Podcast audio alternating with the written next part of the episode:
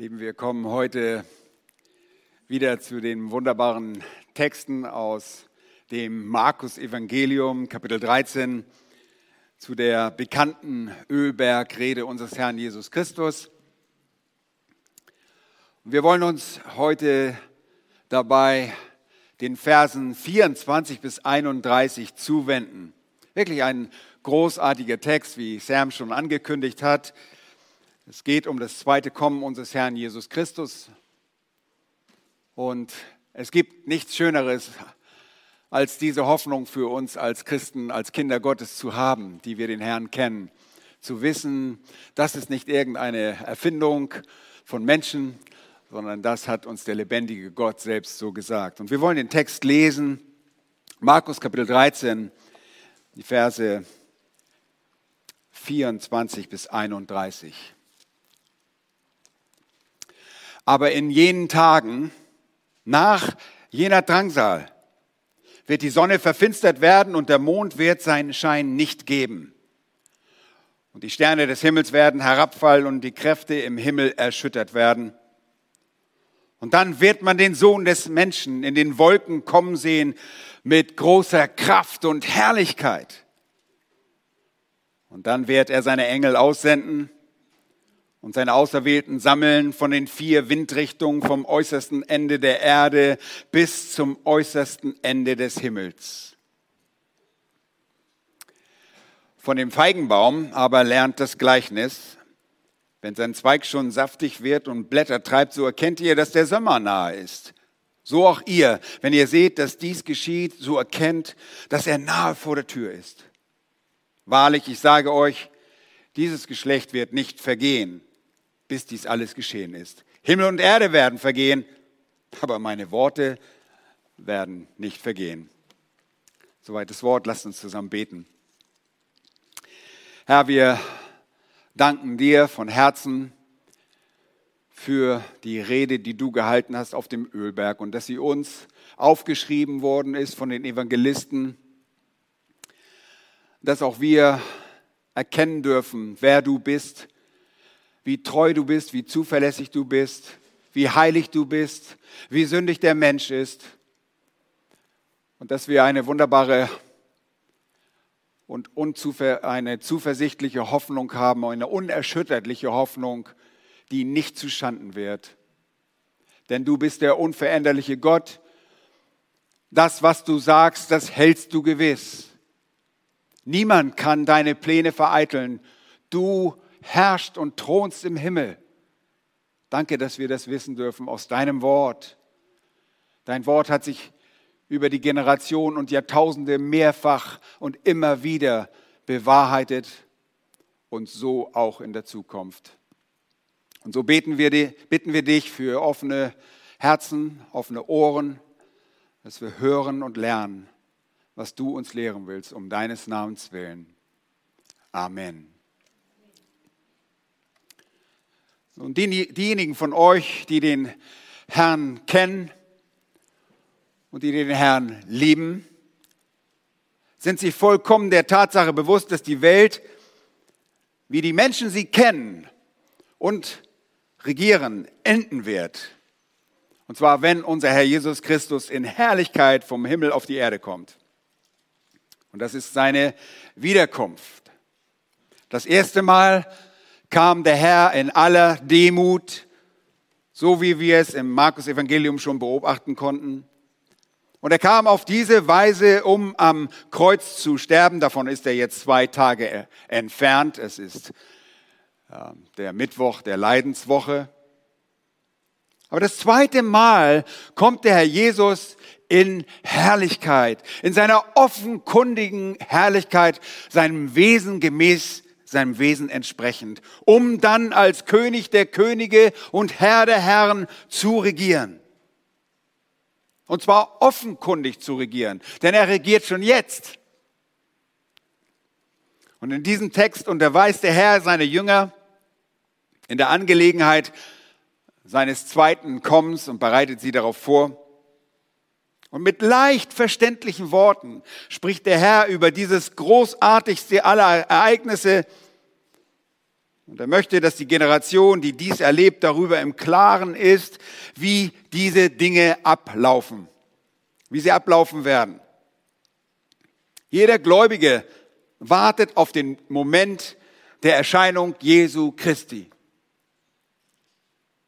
Und er ist, wie ich sagte, schon einmal gekommen und er wird noch ein zweites Mal, ein zweites Mal, ein zweites Mal geben, wie wir auch leicht aus der Apostelgeschichte Kapitel 1 entnehmen können. Und dort in Vers 11 lesen wir, dass er bei seiner Himmelfahrt physisch, körperlich in einer Wolke in den Himmel aufgenommen wurde.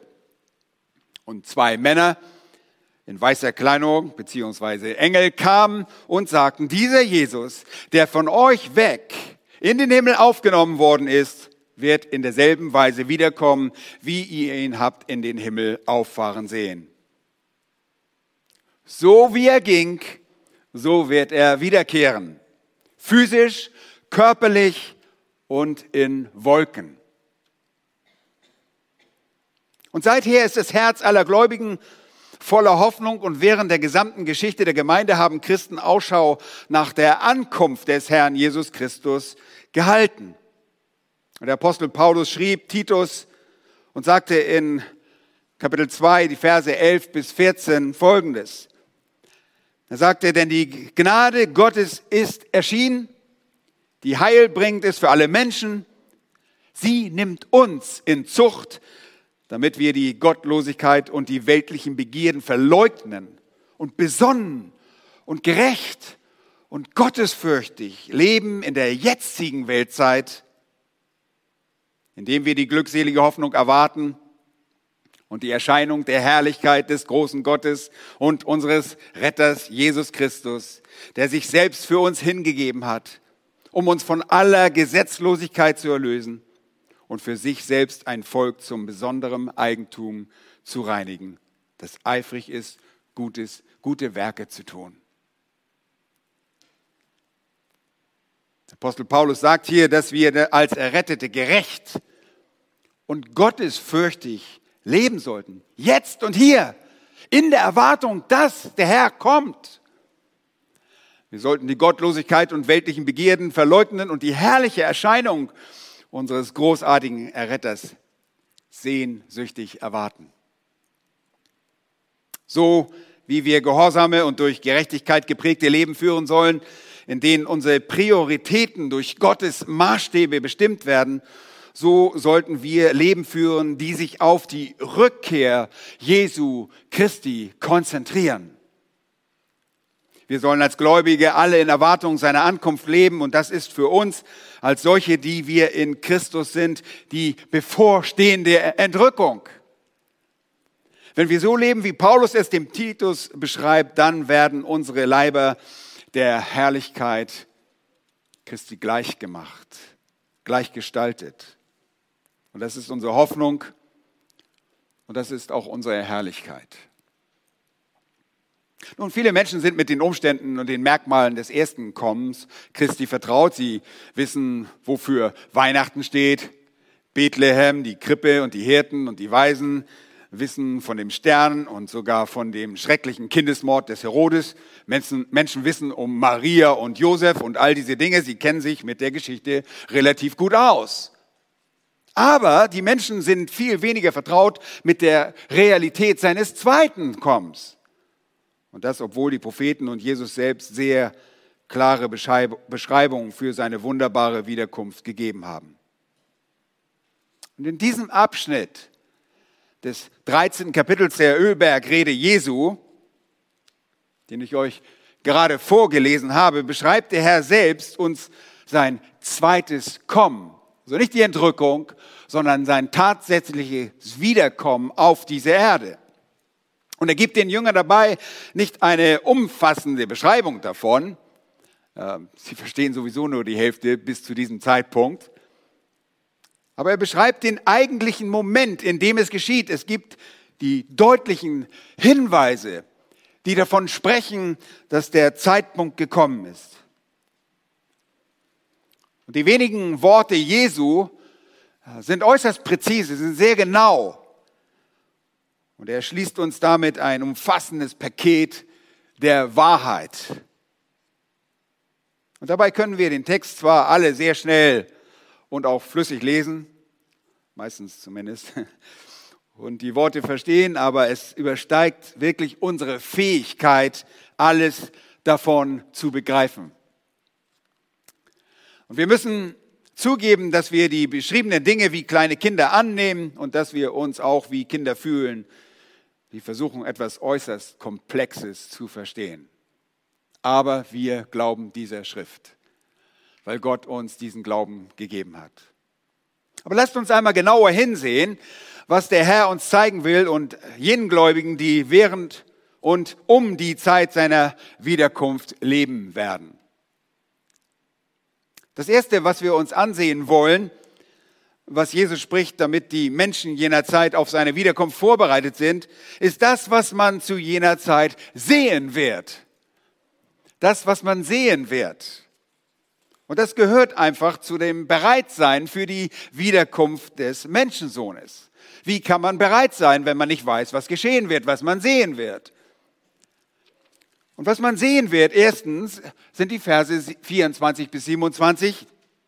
Sie beschreiben die Dinge, die man sehen wird, beziehungsweise das sind Ereignisse, die Menschen derzeit miterleben werden, sofern sie am Leben bleiben. Nicht alle werden leben bleiben, einige werden sterben.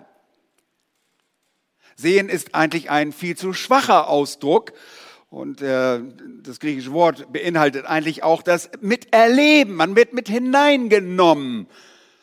Und man ist äh, gewissermaßen ein beteiligter Augenzeuge. Jeder, der in dieser Zeit dabei ist, wird mit in die Geschehnisse hineingenommen und sieht nicht nur, sondern erlebt diese Dinge. Was sind das für Dinge? Erstens, eine geordnete Abfolge der Geschehnisse. Eine geordnete Abfolge wird man sehen. Eine geordnete Chronologie. Und das sind die Verse 24 bis 27, wo das ganz deutlich wird durch die Worte, die verwendet werden. Wir kennen unseren Gott als ein Gott der Ordnung. Die Dinge, die er macht, haben Struktur. Sie sind nicht willkürlich irgendwie zusammengestellt oder zusammengebastelt, sondern seine gesamte Weisheit steht hinter der Schöpfung und deren Ordnung. Und so ist es auch in den Abläufen der Geschichte. Alle Dinge und alle Ereignisse dieser Weltgeschichte sind von dem großen Meister und König des Universums und dem Herrn dieser Welt genau geplant und in einer geordneten Weise werden sie geschehen. Und so ist es auch hier. Und da gibt es als erstes eine Präposition, ein, ein, ein Wort, das nach, N-A-C-H, nach, in Vers 24. Und dann gibt es zweimal temporale Adverbien, das, das ist das Wort dann. Das Sprechen von einer klaren und geordneten Abfolge. Was meine ich damit? Jesus gibt in seiner Rede den Hinweis, dass die zeitliche Abfolge der Ereignisse dieser vier Verse nicht der Willkür überlassen ist. Er beginnt in Vers 24 und sagt, aber in jenen Tagen nach, das ist das erste Wort, Meta, griechische Wort, äh, weist darauf hin, dass alle Dinge, die jetzt folgen, in einer bestimmten zeitlichen Abfolge geschehen, dass es nach etwas geschieht also eine zeitliche Funktion übernimmt dieses Wort. Und dass diese Dinge nach jener Drangsal sein werden. Die Drangsal, von der Jesus redet, besteht aus der Drangsal und der großen Drangsal, die durch die Errichtung des Gräuels der Verwüstung eingeleitet wurde. Und das kann so verstanden werden, dass die Ereignisse der gesamten Drangsal ein Ende finden und dass alle nachfolgenden Ereignisse somit der Drangsalzeit ein Ende setzen. Sie werden gewissermaßen ihr Schlusspunkt sein.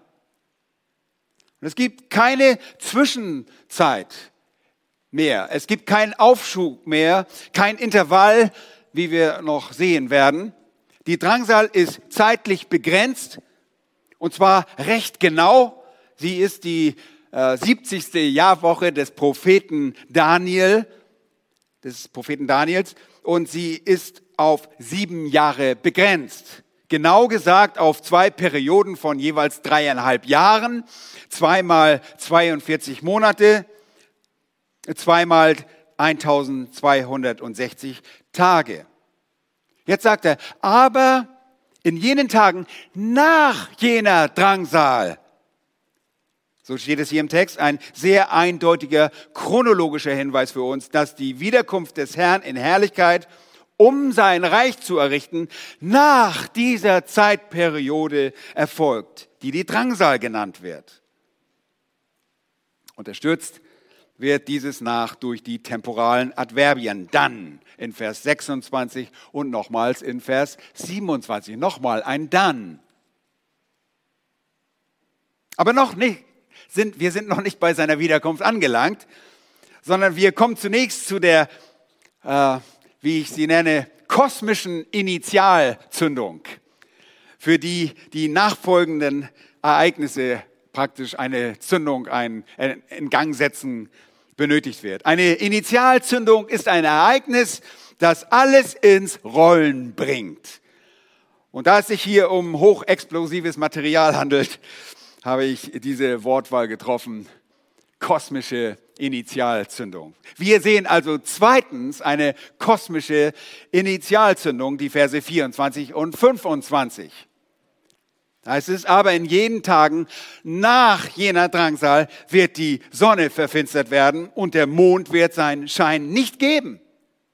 Und die Sterne des Himmels werden herabfallen und die Kräfte im Himmel erschüttert werden. Und wenn wir diese Sätze lesen, dann sollte es uns dem Atem verschlagen. Aber wahrscheinlicher ist, dass wir das gar nicht fassen können und einfach nur teilnahmslos diese Dinge zur Kenntnis nehmen. Diese Ereignisse sind bei der Fähigkeit, Gewaltiges zu realisieren, einfach nur überwältigend. Wenn du das realisieren kannst, was da gerade steht, dann überwältigt dich das. Aber das kannst du nicht, oder? Kannst du das realisieren? Ich kann es nicht. Ich versuche das zwar, aber es wird gewaltig sein, das weiß ich. Und das Ganze führt und gehört zu einer und hört sich auch nach einer absoluten Zerstörung an, nach einem Ende. Und ihr Lieben, genau das soll es auch bewirken. Hier werden die Himmelskörper ihrer nicht alltäglichen, aber dennoch ihrer, möchte ich sagen, wichtigsten Bestimmung gemäß eingesetzt. Und ihr fragt, hey, wie, wie kann das sein?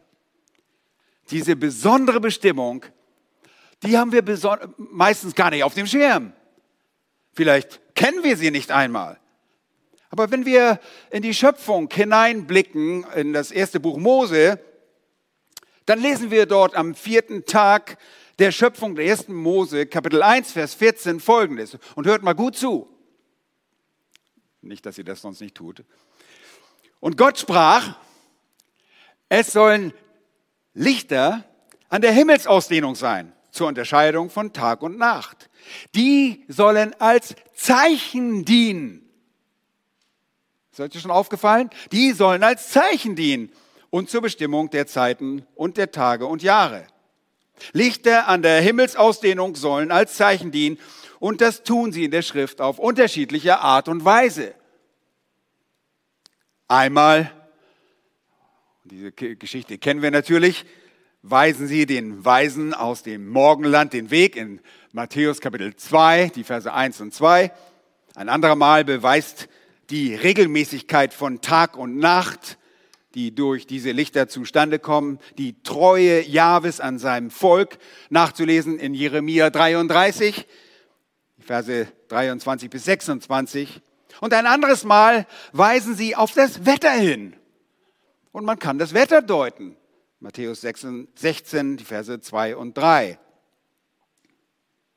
Und an dieser Stelle weisen die Ereignisse die die Lichter des Himmels und betreffen auf das Kommen des Herrn hin.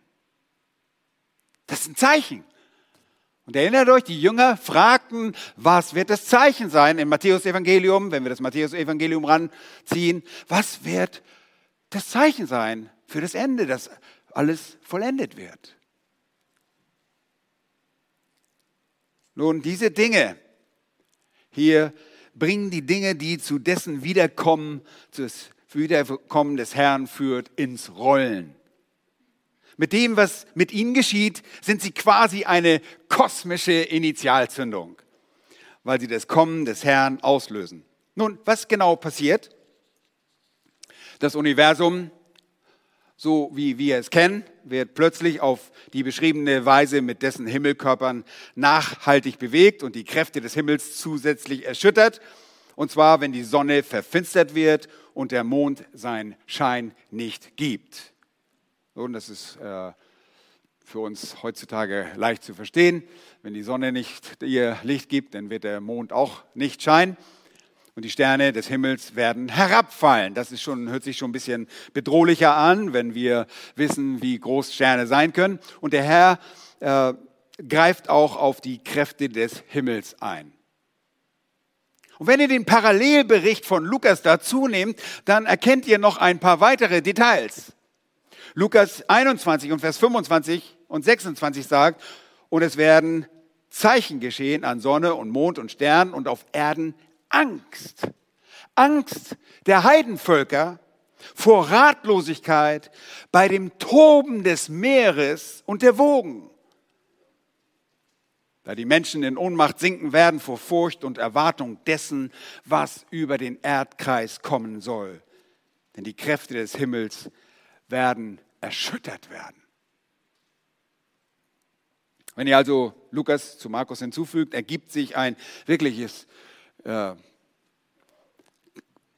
dramatisches Bild.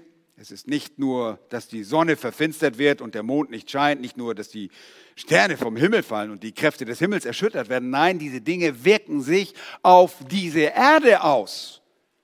Und dieses Ereignis ist so dramatisch und unheilvoll, dass es bei Lukas heißt, dass die Menschen vor Furcht in Ohnmacht sinken werden.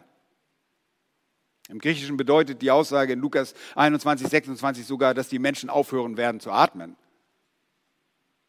Was bedeutet das? Sie werden sterben.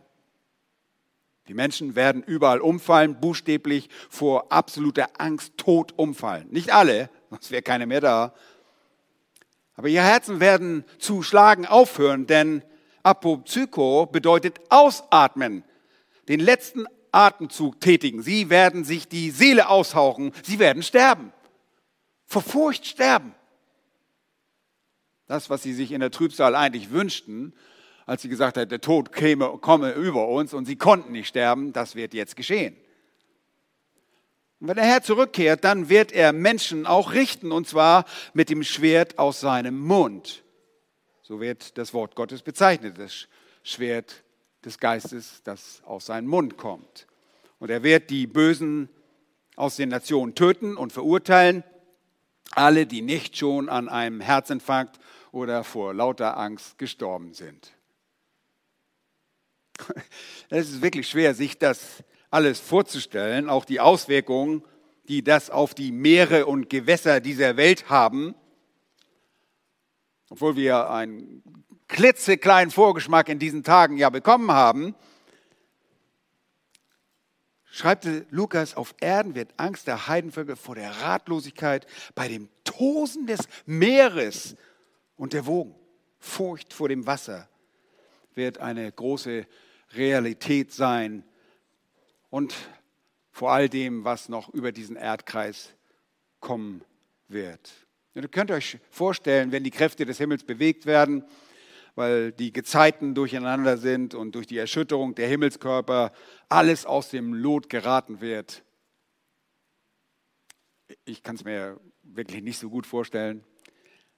Aber auch die Zeichen am Himmel werden so furchterregend sein. Und äh, mir scheint es fast so, dass der Herr uns jetzt in dieser Zeit von allem ein bisschen einen kleinen Vorgeschmack gibt. Und ich frage mich, gibt es auch irgendwann demnächst irgendein dramatisches, beängstigendes Ereignis am Himmel, das uns vorbereitet oder die Menschen vorbereitet, so wie die Fluten und Überschwemmungen und Menschen reden von den Meeresspiegeln, wie sie steigen. Nun, Die Sterne werden auf die Erde fallen. Ganz offensichtlich werden sie verglühen, wenn sie in die äh, Erdatmosphäre eintreten. Sie müssen in irgendeiner kleineren Form, als dieser blaue Planet es ist, auf dieser Erde äh, treffen. Die Schlüsselaussage hier aber ist am Ende von Vers 25. Schaut bitte in den Text. Da heißt es, und die Kräfte im Himmel werden erschüttert werden. Der Himmel, der das ganze Universum umfasst, wird durch Kraft zusammengehalten. Und es gibt einen kontrollierenden, zusammenhaltenden Einfluss und wir wissen, dass diese Kraft wer ist? Das ist der Herr selbst. In Hebräer Kapitel 1 und Vers 3 heißt es, dass der Sohn alle Dinge durch das Wort seiner Kraft trägt. Es ist Gott selbst im Sohn, der die Dinge zusammenhält und so wie er alles erschaffen hat, hält er auch alles zusammen, damit die Schwerkraft kontrolliert wird und die Umlaufbahn nicht unkontrolliert variieren. Aber plötzlich ist da eine Kraftlosigkeit da und es gerät auseinander. Und ihr Lieben, heutzutage können wir Dinge in das Weltall schießen und das Universum wird mit allen unseren Satelliten und allen technischen Pipapo, allen möglichen Objekten äh, vollgestopft und wir wissen, wohin diese Sachen gehen und äh, wo sie anhalten und was sie bei ihrer Umkreisung alles tun. In der Umlaufbahn. Wir können alles ganz genau berechnen. Unveränderliche Kräfte, feste Kräfte des Himmels, sodass Gestirne sich ständig bewegen können und das tun, was ihnen bestimmt worden ist, nämlich auch die Zeiten der Zeit anzuzeigen, äh, Jahre und äh, Tage. Und in der Wissenschaft baut man darauf. Man kann Dinge voraussagen. Schon seit eh und je. Man kann sogar zurückrechnen Dinge. Warum? Weil Gott dem Ganzen eine bestimmte Stabilität gegeben hat, weil er diese Kräfte zusammengehalten hat. Die Gestirne werden durch die tragende Kraft von Gottes Wort kontrolliert, dem Gott der Ordnung. Aber wie ich sagte, plötzlich, mit einem Nu, lässt der Herr los und die Kräfte, die das Universum normalerweise zusammenhalten, tun das nicht mehr. Und es gibt ein Chaos. Und ich muss sagen, es ist kein wildes Chaos, sondern ein kontrolliertes Chaos, weil der Herr dieses Chaos kontrolliert. Das ist nicht ein, äh, irgendeine Willkür, sondern ein Chaos, das vom Herrn bestimmt ist, wo er den Ausgang kennt. Aber die Erde wird ein Opfer dieses unglaublichen Kataklysmus im Universum sein. Und ihr Lieben, das größte Wunder bei allen dem ist, dass der Herr trotz dieser lebensbedrohlichen Ereignisse doch noch Menschen bewahren wird und das bis zu seinem Ende. Kaum zu glauben, ne? Da fallen ein paar Sterne auf die Erde und die Menschen leben trotzdem noch weiter. Schon erstaunlich. Aber wie wird es sein? Lass uns im Text vorangehen, um festzustellen, was dann zu sehen sein wird. Drittens, eine un verkennbare Erscheinung. Vers 26. Unverwechselbar, unübersehbar. Nicht so wie heute, als die Schriftlesung da stand, äh, 2. Äh, Mose 15. Die 15 war so klein. Die war da. Die 15 war da. Also sagt mir nicht, die 15 war nicht da. Die war nur so klein und ihr habt sie nicht gesehen. Sie war da. Aber hier ist es unübersehbar, eine unverkennbare Erscheinung. Dann wird man den Sohn des Menschen in den Wolken kommen sehen mit großer Kraft und Herrlichkeit. Dann, dann, da haben wir wieder die zeitliche Abfolgung, seht ihr? Und dann, seht ihr das? Das dann ist da nach den Erschütterungen der Kräfte im Himmel und dem Sternenhagel, wenn ihr so wollt, der Verfinsterung von Sonne und Mond, dann wird was geschehen?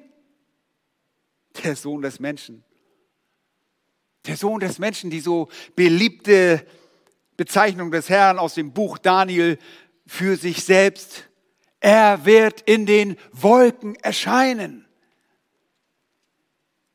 Und auf dem Vehikel, auf diesem Fahrzeug, auf diesem Vehikel hatte schon der Prophet Daniel den Herrn in seinen Nachtgesichten gesehen. Da heißt es in Daniel 7, Vers 13, ich sah in den Nachtgesichten und siehe, es kam einer mit den Wolken des Himmels gleich einem Sohn des Menschen und er gelangte bis zu dem Hochbetagten und wurde vor ihn gebracht.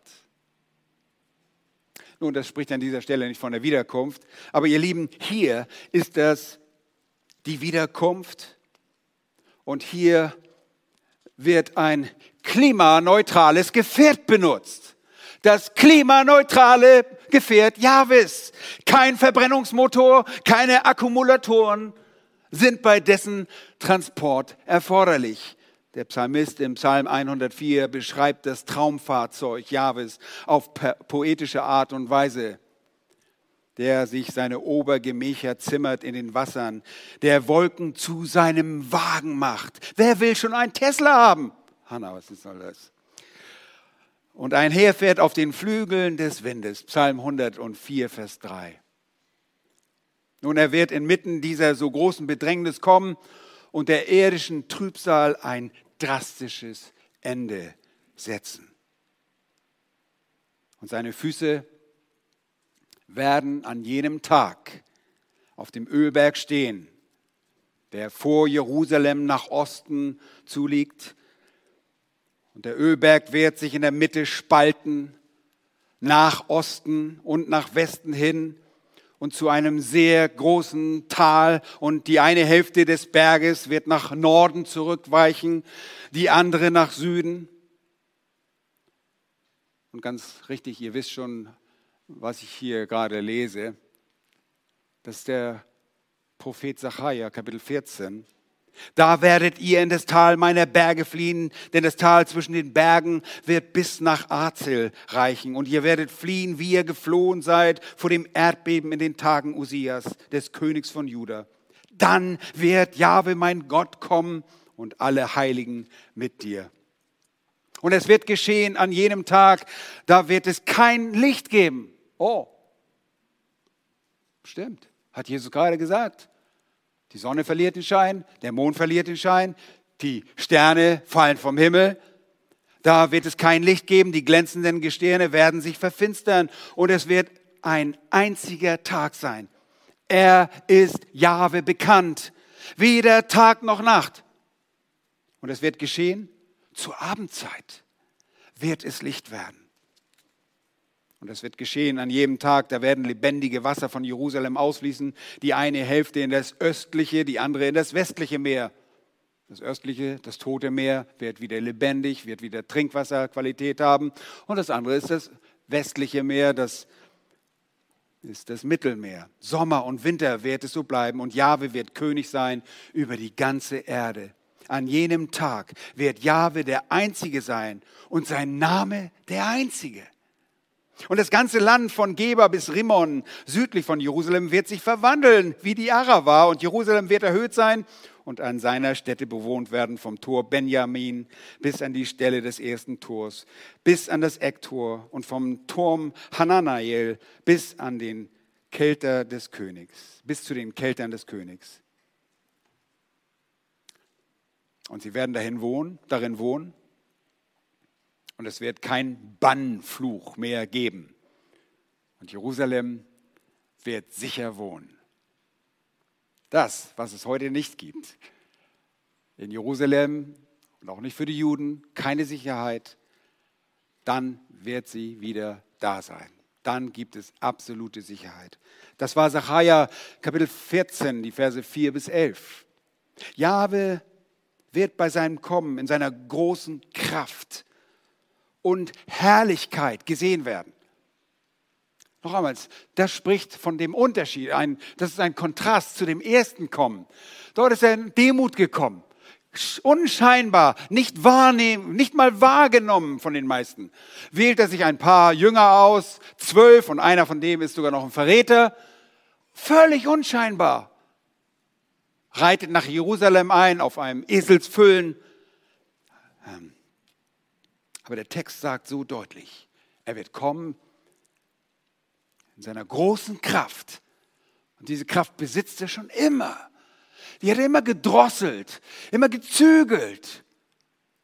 Und jetzt kommt er in seiner ganzen Herrlichkeit sichtbar für alle, unübersehbar.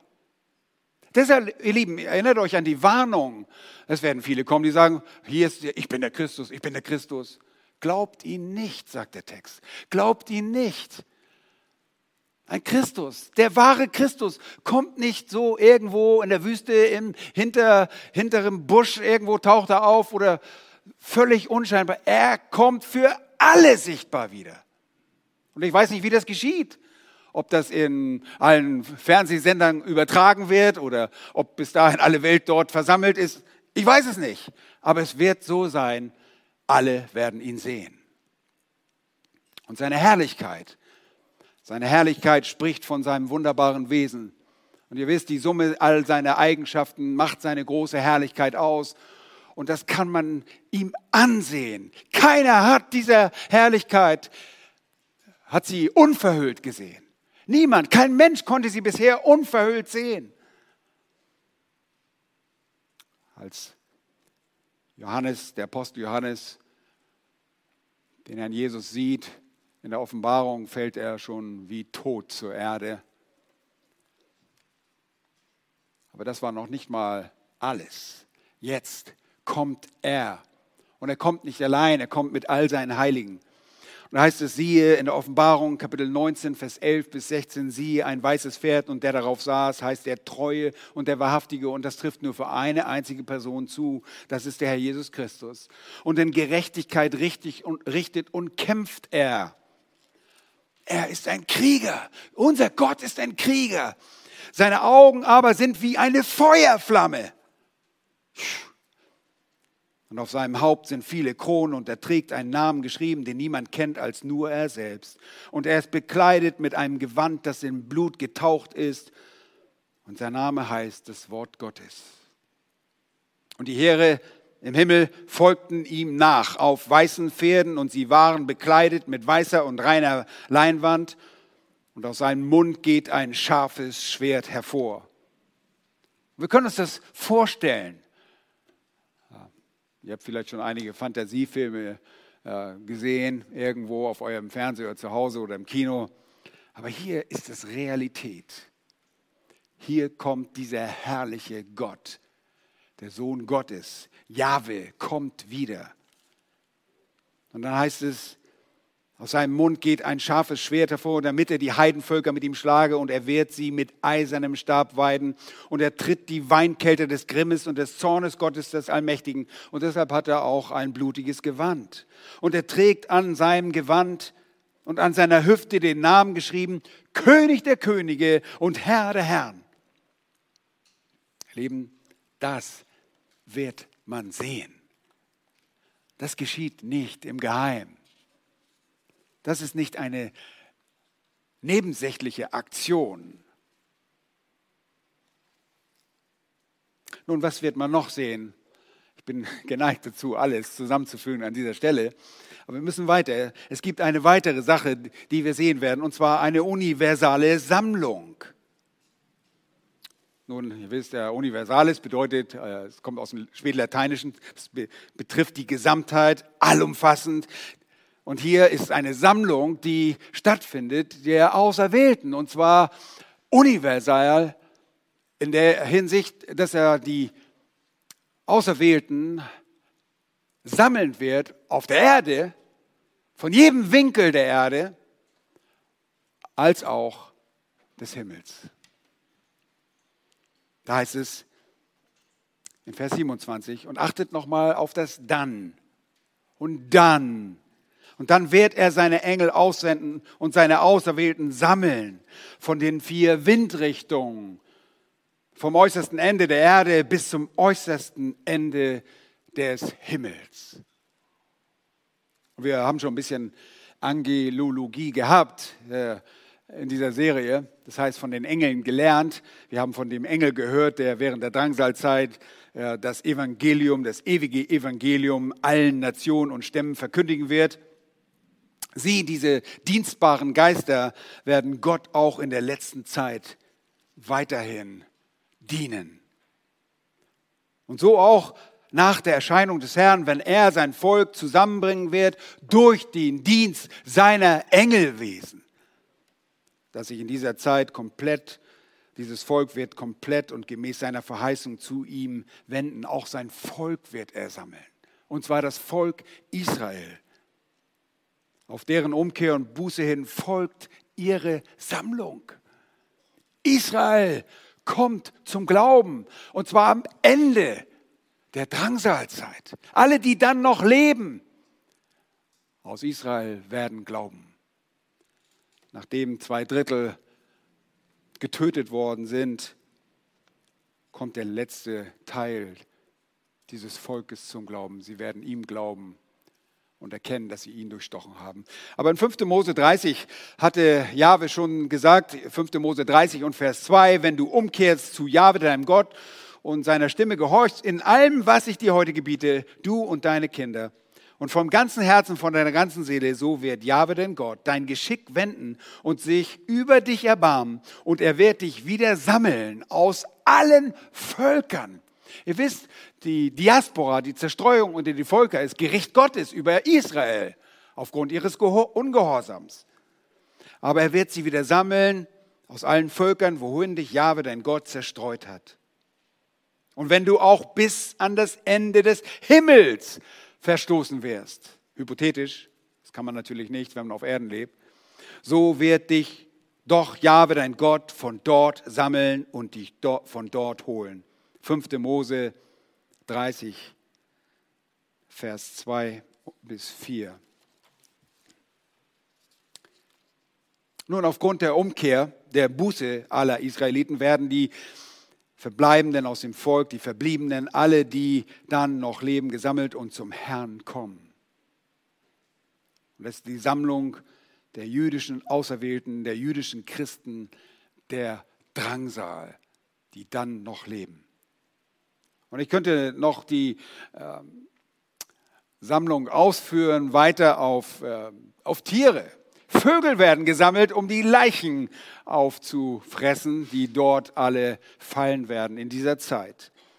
Aber nicht nur aus jüdischen Kreisen stammen diese Auserwählten, auch gläubige Menschen aus den Nationen werden noch am Leben sein und diese werden zusammen mit den übrigen Heiden aus aller Herrenländer gesammelt werden und diese werden dann gemeinsam vor dem Herrn der Herrlichkeit erscheinen. Und dieses Ereignis ist uns als was bekannt? Das Gericht der Nation. Das Gericht der Nation.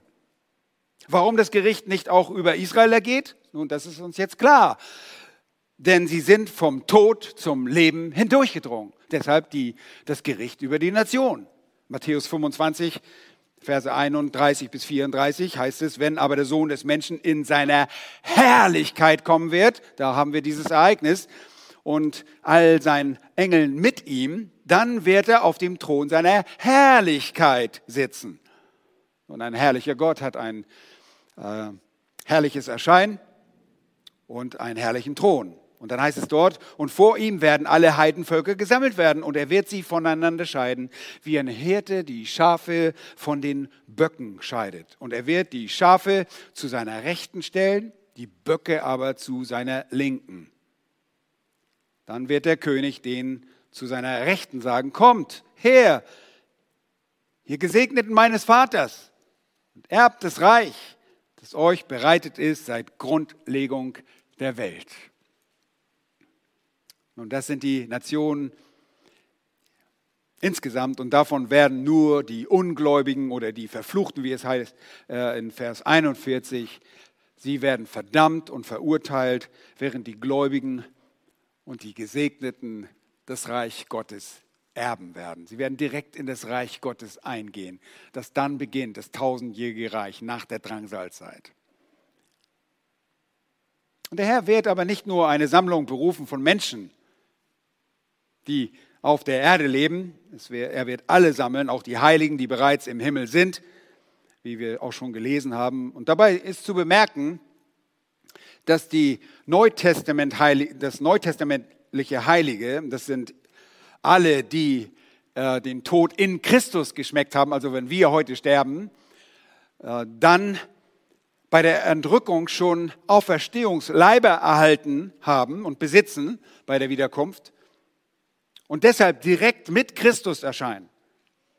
Während die alttestamentlichen Heiligen zu der Zeit ihre Auferstehungsleiber bekommen werden. Es gibt die Auferstehung der alttestamentlichen Heiligen.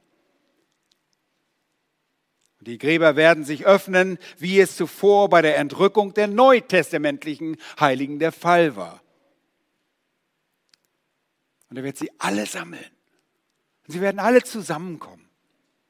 Die gläubigen Menschen jener Zeit werden sehen und erleben, was geschieht. Und diese Dinge sind Zeichen zur Vollendung der Zeit, nach denen die Jünger gefragt hatten. Der Herr wird ihnen durch die Vorboten und eindeutigen Vorhersagen und Zeichen eine erhebliche Erleichterung zu Identifizierung seines unmittelbar bevorstehenden Kommens geben.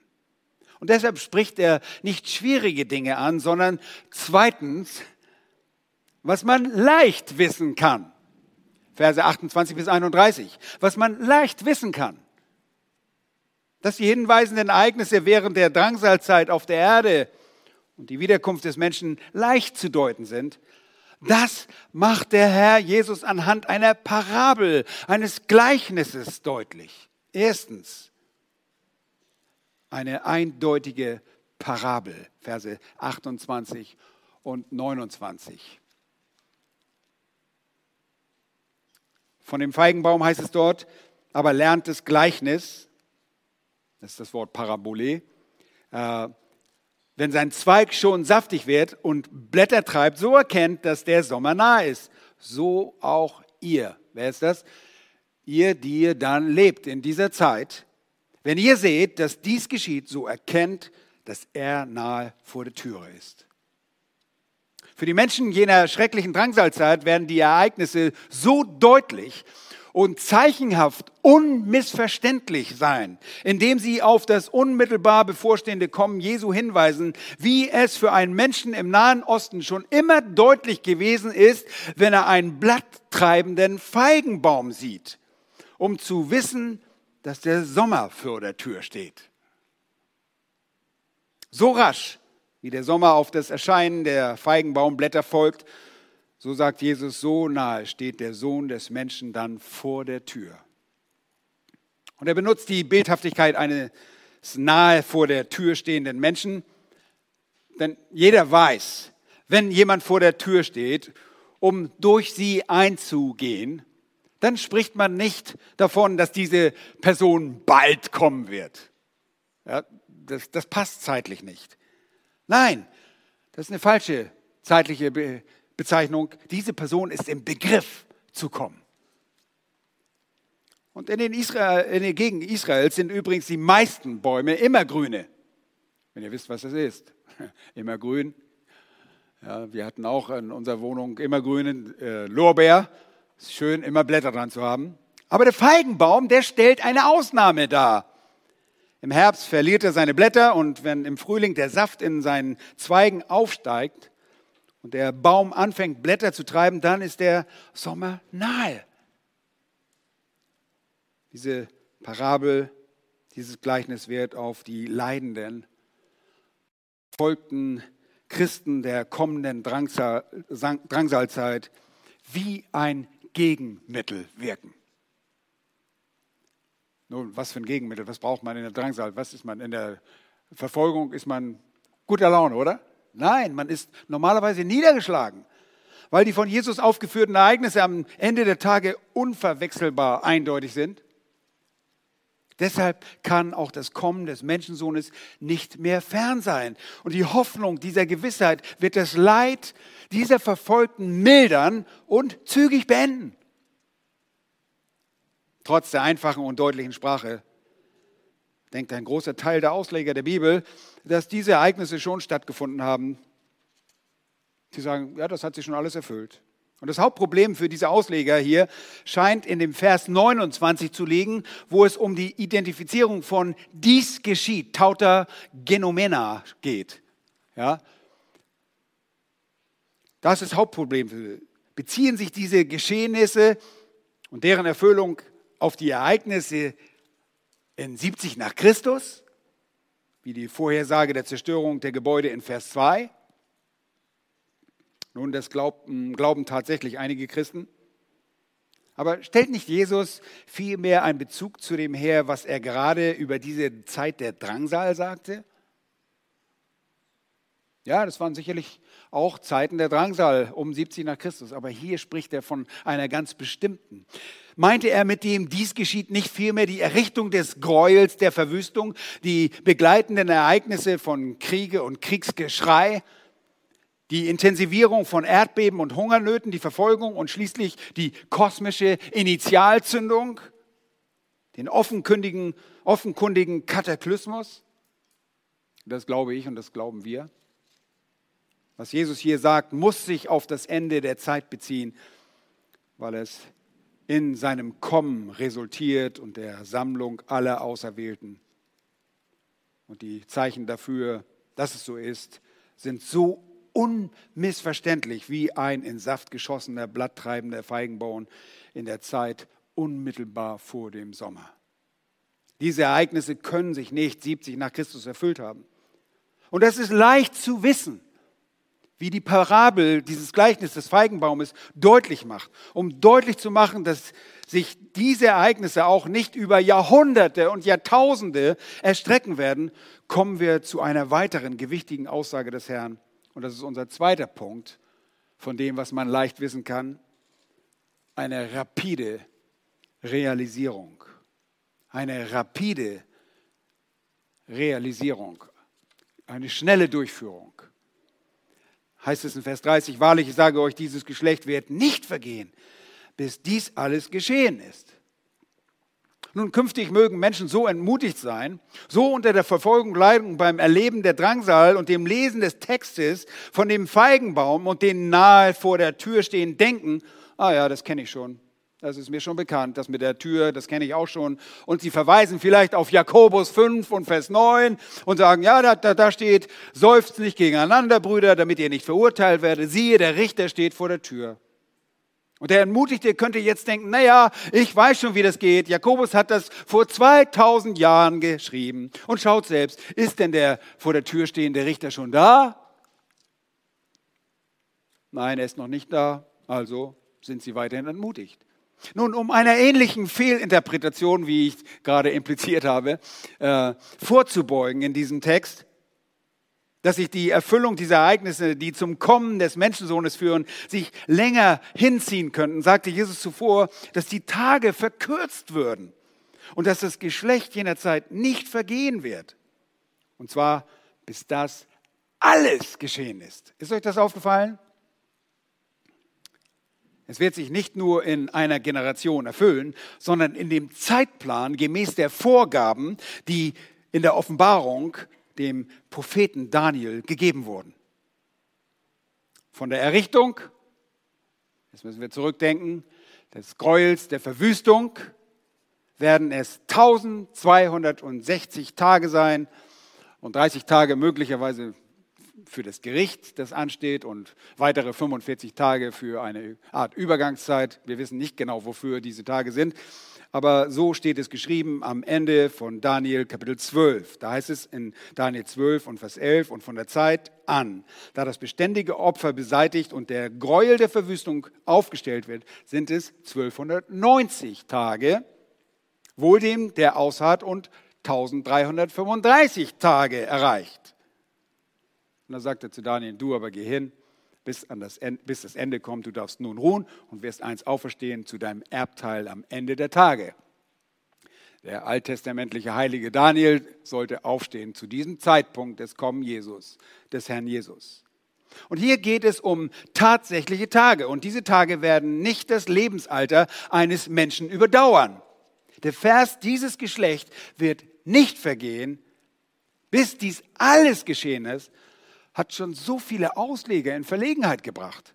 und auch durcheinander gebracht und sie zu der Auffassung gebracht, dass sich schon alles zur Zeit Jesu erfüllte. Das kann es nicht. Nochmals, Jesus ist nicht in Herrlichkeit zurückgekommen. Er ist immer noch nicht da. Auch diese Aussage kann sich nicht auf die Generation zur Zeit Jesu beziehen, denn diese Dinge haben sich nicht alle erfüllt. Das Einzige, was sich erfüllt hat, war, dass der Tempel in Jerusalem und Jerusalem selbst zerstört wurde, dass die Steine nicht übereinander blieben. Und ihr seht, dies alles in Vers 30 ist genauso kritisch beim Verstehen der Worte Jesu wie in Vers 29 die Aussage, dies geschieht. Und wir glauben, dass mit diesen Worten Jesus die Generation meint, die zu der Zeit lebt, die dann diese äh, mit schrecklichen Ereignissen beladenen, beladene Zeit miterlebt. Diese Generation wird nicht vergehen. Vor allem, wenn Jesus sie am Leben erhält, so wie er es mit den auserwählten Juden, die noch zum Glauben kommen werden, tun wird. Es wird eine rapide Realisierung der Endzeitereignisse geben. Und sie wird im Kommen unseres Herrn Jesus Christus enden. Und das bringt uns zu dem letzten Punkt. Und ich bin gut in der Zeit. Äh, Punkt 3. Eine unerschütterliche Zuversicht. Einfach zu wissen, ist eine, es gibt eine unerschütterliche Zuversicht. Ihr wisst, Himmel und Erde werden vergehen und werden auch erschüttert, aber Gottes Wort wird nicht vergehen. Da heißt es in Vers 31. Himmel und Erde werden vergehen, aber meine Worte werden nicht vergehen. In all den Ereignissen liegt oberflächlich betrachtet eine Ungewissheit in Hinsicht auf das Fortbestehen der ganzen Schöpfung. Und wir tun gut daran, uns an den Worten Jesu zu laben, wenn er dies sagt. Ereignisse im Leben, ihr Lieben, mögen oft sehr schwer sein, auch für uns Christen. Und von Emotionen beherrscht, losgelöst von der Realität, ist der Mensch ein Spielball seiner eigenen Wankelmütigkeit. Ist es nicht so? Und deshalb, das Wort Gottes ist da. Ihr Lieben, es ist in der Tat so, dass Himmel und Erde, so wie wir sie kennen, nicht mehr existieren werden. Sie werden vergehen, weil es eine neue Schöpfung geben wird.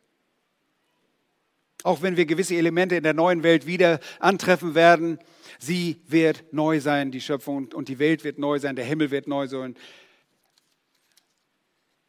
Ein Propheten Jesaja spricht Jahwe, denn siehe, ich schaffe einen neuen Himmel und eine neue Erde sodass man an die früheren nicht mehr gedenkt und sie nicht mehr in den Sinn kommen werden. Okay? Du wirst also nicht mehr an das schreckliche Essen denken, das deine Mutter dir auf den Tisch gesetzt hast und du immer essen musstest. Nein, du wirst nicht mehr dran denken. Vers 18, sondern ihr sollt euch alle Zeit freuen und frohlocken über das, was ich erschaffen denn siehe, ich schaffe Jerusalem zum Jubel und sein Volk zur Freude. Jesaja 65, die Verse 17 und 18. Genau das sieht auch Johannes in der, Offenbar in der Offenbarung so. Offenbarung 21 und Vers 1. Und ich sah einen neuen Himmel und eine neue Erde. Denn der erste Himmel und die erste Erde waren vergangen und das Meer gibt es nicht mehr. Keine Ostsee, das Wunderbare bei allem Leid bleibt und das bei allen irreführenden, subjektiven Empfindungen gibt es eine absolute Gewissheit. Und das sind die Worte des Herrn. Und weil diese Worte immer Bestand haben werden, hast du und ich als Kind Gottes eine unerschütterliche Zuversicht, eine Hoffnung, die nicht zuschanden wird. Und wenn alle irdischen Elemente Seien Sie heute noch so stabil und noch so fest, wenn Sie ins Wanken geraten und vergehen. Die Worte des Herrn in ihrem vollen Umfang werden nicht wanken, sie werden nicht variieren, äh, variieren oder schon gar nicht vergehen. Und das sollte uns heute aufbauen, wenn ihr Kinder Gottes seid. Es ist die schönste Ermutigung, die es auf dieser Erde für uns gibt. Ihr Lieben, wenn ihr den Herrn nicht kennt und sein Wort nicht glaubt, dann gibt es schreckliche Zeiten für euch. Denn es kommt ein Gericht. Und dieses Gericht folgt nicht unmittelbar der Wiederkunft, sondern nach dem Millennium. Nach diesen tausend Jahren der Herrschaft Christi auf Erden werdet ihr vor dem großen weißen Thron erscheinen müssen und Rechenschaft abgeben, was ihr mit Jesus gemacht habt. Und wer Jesus nicht glaubt, der hat ihn zum Lügner gemacht und der wird verurteilt. Nicht in eine temporäre Haft, sondern in eine ewige Verdammnis.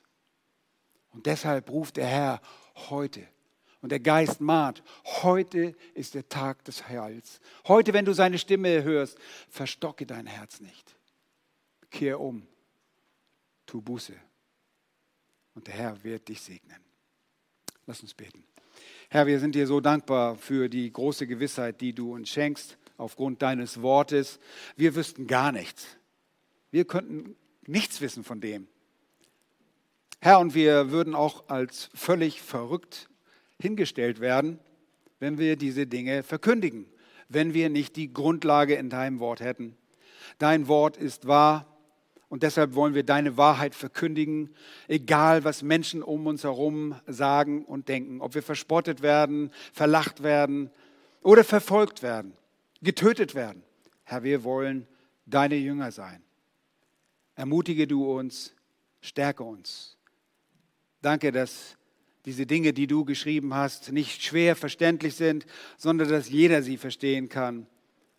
Und so bitte ich dich, Herr, rette du baue weiterhin deine Gemeinde dir zur Ehre und zu deiner Verherrlichung. In Jesu Namen. Amen.